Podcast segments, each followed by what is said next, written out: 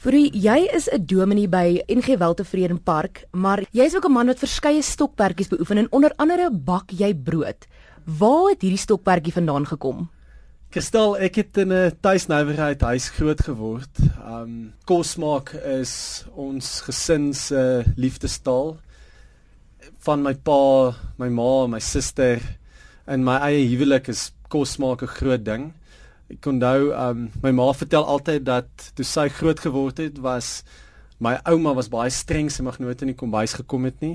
En toe sy nou met my pa trou toe een van die geskenke wat my ouma nou vir haar gee is 'n kussie met allerlei goed wat jy nou nodig het om te kan oorleef as 'n huisvrou in die kombuis. En soos my ma nou saam met my ouma sit en deur hierdie goed gaan en sal sy 'n boksie optel en vra wat is dit? En dan sê my ouma borrie. Dan vra my ma maar wat doen jy met borrie? En dan um raak my ouma al hoe meer geïrriteerd want haar dogter wat in elk geval nooit in die kombuis mag gekom het nie weet niks van kos maak nie. Hoe kan sy op trou staan? En toe die laaste stukkie strooi vir my ouma was toe my ma die wit plastiekhouer optel en die geel deksel afdraai en daarin kyk en hierdie poeier goed sien en vir my ouma vra maar wat's die?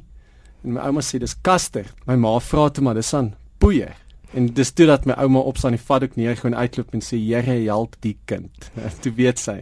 En die ironie is nou my ma se tuisnouer het op die dorp waar ek groot geword het in Prins Alfred Hamlet is haar custardkoeke is een van haar wenners. Wys jou hoe die lewe met jou pad stap. Maar ek's baie baie lief vir kos maak en so die laaste 2 jaar het ek begin om om rond te speel met brood, saam met vriende begin kuier wat vir jou heeltyd hierdie broodmasjien brode bedien en dan daaroor praat asof dit die nuutste ding onder die son is.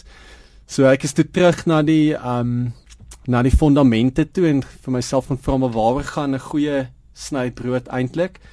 En dan stap jy maar die pad van van kitsgis en jouself moeg knie totdat jy later die wonderlike wêreld van suurdeeg ontdek en dit is wat ek nou doen. Ek het nou al so jaar lank wat ek verskillende suurdeegbrode bak en die wonderlike ding van suurdeeg dis 'n lewendige ding. Jy kan jou suurdeeg plantjie kan jy as jy um goed met hom werk kan jy elke dag in jou yskas lewendige gis hê wat um vir baie lank nou daar soos stories van bakkerye in San Francisco, San Francisco is so die mekka vir suurdeegbrode en daar so stories dat daar's bakkerye daar wat derde, vierde generasie bakkers is wat nog met dieselfde lewendige gis werk.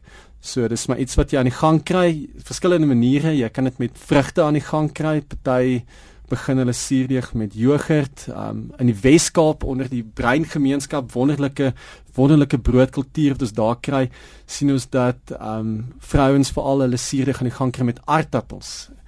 Ek het um onlangs het ek gaan kuier by my maale waar hulle nogals baie suurig brode bak en om een of ander rede gooi hulle ook 'n eetlepel, 'n die hele eetlepel binne in die meel, so hierdie metaal eetlepel lê ook aan.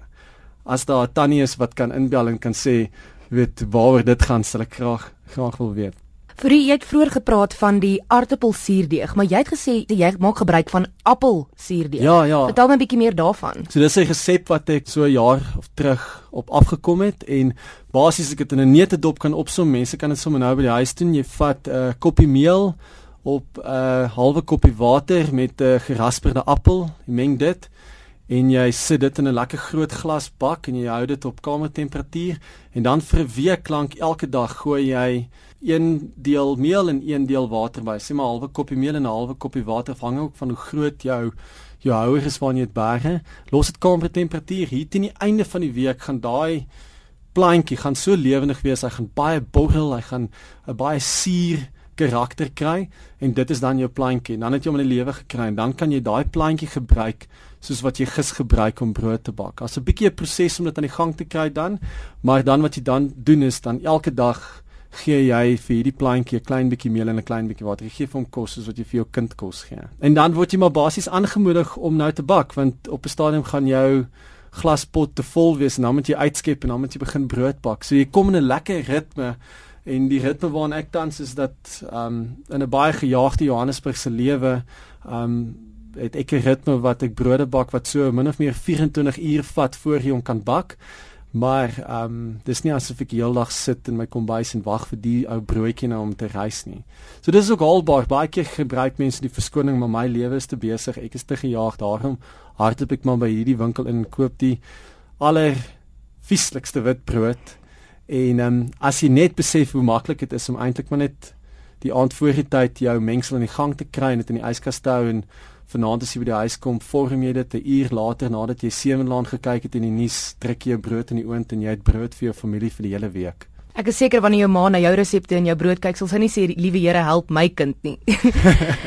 Wat se betekenis het brood vir jou as teoloog? Ek dink vir my as teoloog hoekom brood my so fascineer is, deur die eeue was brood 'n metafoor van transformasie. Dit is 'n wonderlike metafoor van lewe. Vir baie baie eeue al weet mense dat daar gebeur iets baie spesiaal as jy brood breek en veral as jy die brood breek saam met mense wat jy baie liefhet.